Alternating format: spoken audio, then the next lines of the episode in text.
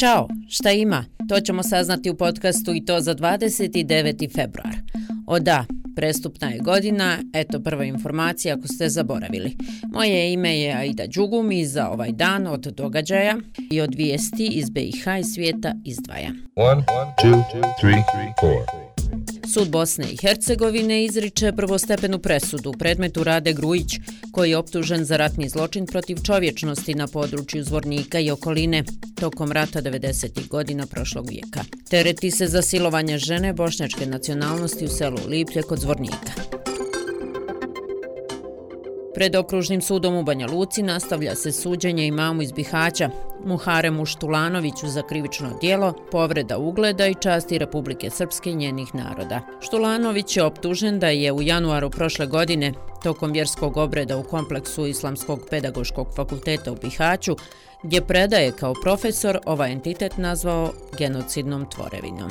Slučaj protiv Štulanovića je prva potvrđena optužnica specijalnog tužilaštva Republike Srpske protiv neke osobe zbog nazivanja Republike Srpske genocidnom tvorevinom.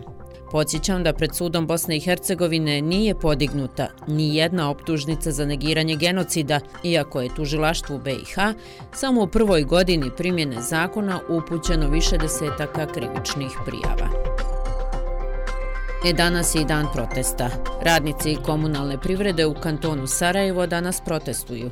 Nezadovoljni su povećanjem plate. Predsjednik kantonalnog odbora sindikata Rasim Ljucević rekao je novinarima prije tri dana kako je nekorektno da vlada komunalnim radnicima nudi povećanje plata od 50 maraka, dok ministrima plate povećavaju za 500. Naš zahtjev je bio da bude povećanje 100 maraka, uzimajući obzir ekonomsku situaciju, inflaciju, rast cijena i tako dalje, i to je mizerno povećanje. Obzirom da pregovarački tim vlade kantona Sarajeva nije imao sluha, čak i u određenim momentima na naše zahtjeve iznosio, hajde da kažem da smo nekorektni, pa čak što više bezobrazni sa našim zahtjevima o povećanju 100 maraka.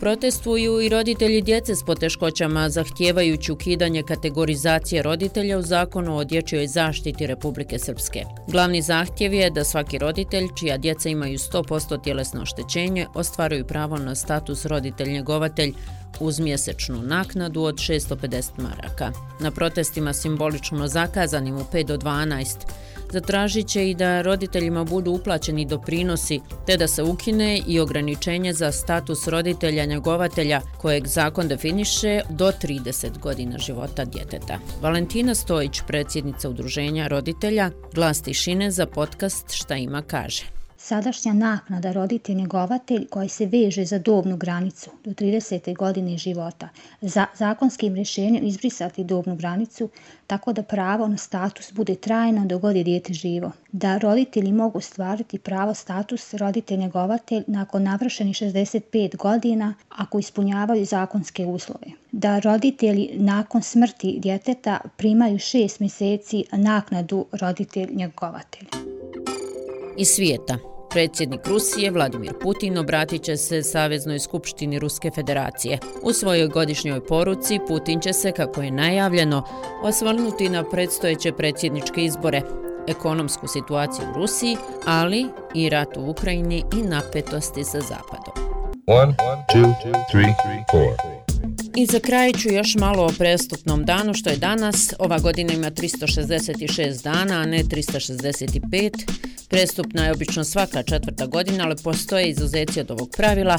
Zašto nam je bitna prestupna godina? Pa da nisu postojale prestupne godine i da se u obzir nije uzimalo dodatno vrijeme između kalendara, godišnja doba bi se javljala u različitim mjesecima. Na primjer, tokom perioda od oko 700 godina, ljeto bi na sjevernoj hemisferi bilo u decembru umjesto u junu.